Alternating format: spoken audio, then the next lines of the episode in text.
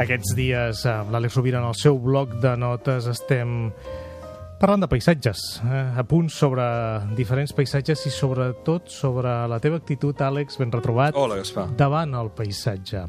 L'altre dia et, et preguntava, vaja, si per tu la meditació caminada, el fet de caminar, que no deixa de ser una pràctica també meditativa, té a veure amb el mindfulness, si ho conceps així, si ho vius així o no, en fi. Sense cap mena de dubte, jo crec que són eines complementàries. Els que hem practicat el mindfulness tradicional, és a dir, asseguts amb els ulls tancats, repetint un mantra o concentrant-nos en un concepte o una idea, hi ha diferents maneres de meditar, doncs eh, copses uns, uns, uns, uns estats d'ànim i eventualment uns estats de consciència determinats.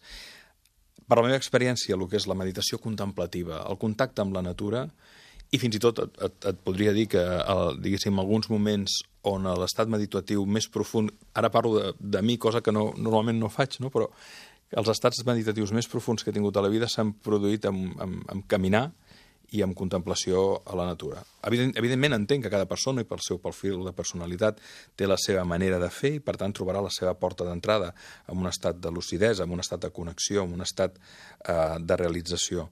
Però sense cap mena de dubte l'observació de la natura reflexiva, no? des de l'observació des d'una mirada apreciativa, que no implica la renúncia a un pensament crític, però jo crec, saps què passa, Gaspar, que en el fons eh, no ens n'adonem de la potència de, de transformació que té la bellesa. No?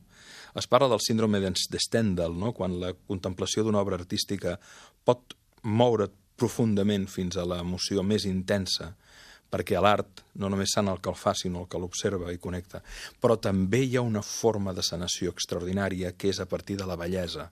Els clàssics donaven una importància extraordinària a la bellesa i probablement l'última obra de, que fa un crit a favor de la bellesa és la gran bellesa no? d'aquest director italià de cinema que va guanyar l'Oscar a la millor pel·lícula estrangera, deu fer uns 5 o 6 anys. La bellesa, la bellesa com a camí de realització, com a camí d'inspiració, com a camí de, mati, de, de, de meditació, com a camí de connexió d'idees, la bellesa, la bellesa de l'art, la bellesa de la naturalesa, la admiració de la simplicitat des de la qual sorgeixen expressions que són altament inspiradores a nivell emocional, a nivell intel·lectual, a nivell existencial. Crec que valdria molt la pena que dediquéssim un programa a l'ofici de viure a la bellesa.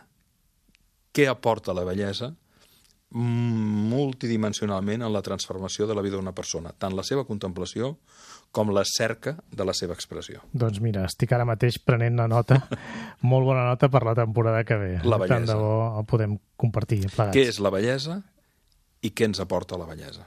Gràcies, Àlex. Una abraçada, Gaspar. A les oients i als oients també. Una forta abraçada.